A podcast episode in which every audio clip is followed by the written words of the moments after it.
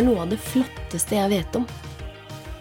Når det er fullmåne og stjerneklart ute, så er den store, hvite skiva et fantastisk syn. Men hva er egentlig månen? Akkurat som jorda, så er jo også månen en stor kule der ute i verdensrommet. Den er til og med lagd av omtrent det samme materialet som jorda. Jorda er for det meste laget av stein, og det samme er månen vår også. Så hva er egentlig forskjellen på en planet og en måne? Forskjellen er at en måne er noe som går i bane rundt en planet. Og som oftest så er også planeter større. Jorda har bare én måne, men noen planeter har flere måner som går rundt seg. Mars har for eksempel to måner. Men store planeter sånn som Jupiter og Saturn, de har begge rundt 80 måner som går i bane rundt dem. Det skal jeg snakke litt mer om i en episode jeg skal lage om planetene i solsystemet vårt. Så tilbake til månen. Vår måne er altså laget av stein. Den er en del mindre enn jorda, så månen er altså mye, mye nærmere oss enn sola. Månen er på en måte knytta til jorda.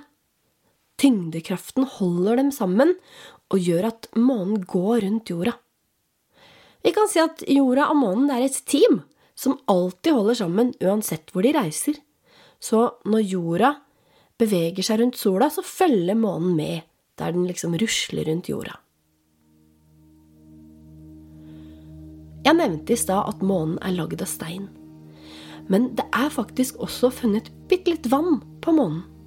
Helt opp ved polene, liksom Nord- og Sørpolen, der det er aller kaldest, så er det funnet litt is nede i noen kratre.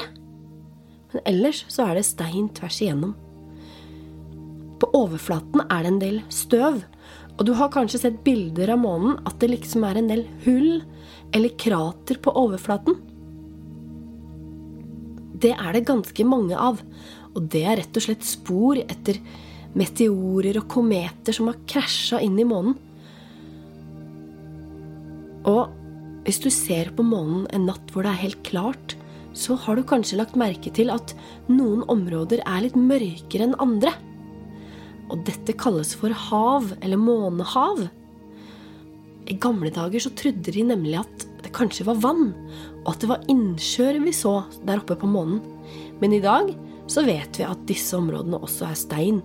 Vi bare fortsatt kaller det for månehav.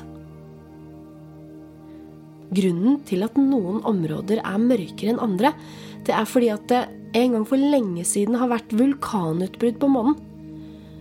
Og da har lava eh, rent utover og størkna. Og der har det blitt litt mørkere farge. Så hvis månen bare er grå og steinete, så hvorfor ser den så hvit ut på natta? Månen lyser jo ikke av seg selv. Jo, det er sola som lyser på månen, og så sendes noe av det lyset videre til oss her på jorda. Da sier vi at månen reflekterer lyset. Så når vi ser en lysende måne, så er det faktisk sola som lyser opp månen. Og det er også derfor månen lyser så forskjellig.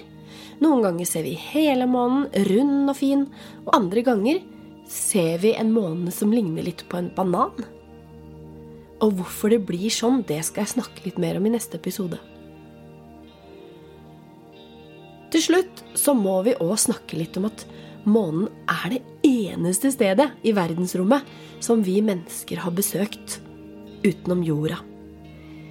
I 1969 så landa det første fartøyet på månen med mennesker i. Og to astronauter gikk faktisk rundt oppe på månen. Og da tok de flere sånne vitenskapelige målinger, og de tok også med seg månestøv tilbake til jorda. Og derfor så vet vi litt om hva månen er laget av. Og i årene etter den første landinga så ble det flere turer til månen.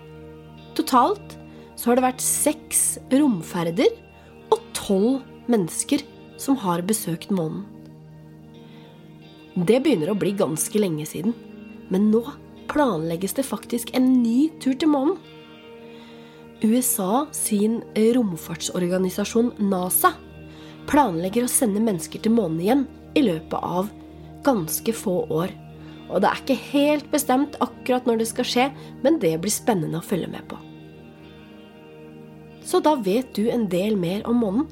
Og det er greit å vite litt om både den og sola før vi i neste episode skal snakke litt om månefaser og hvordan årstider fungerer.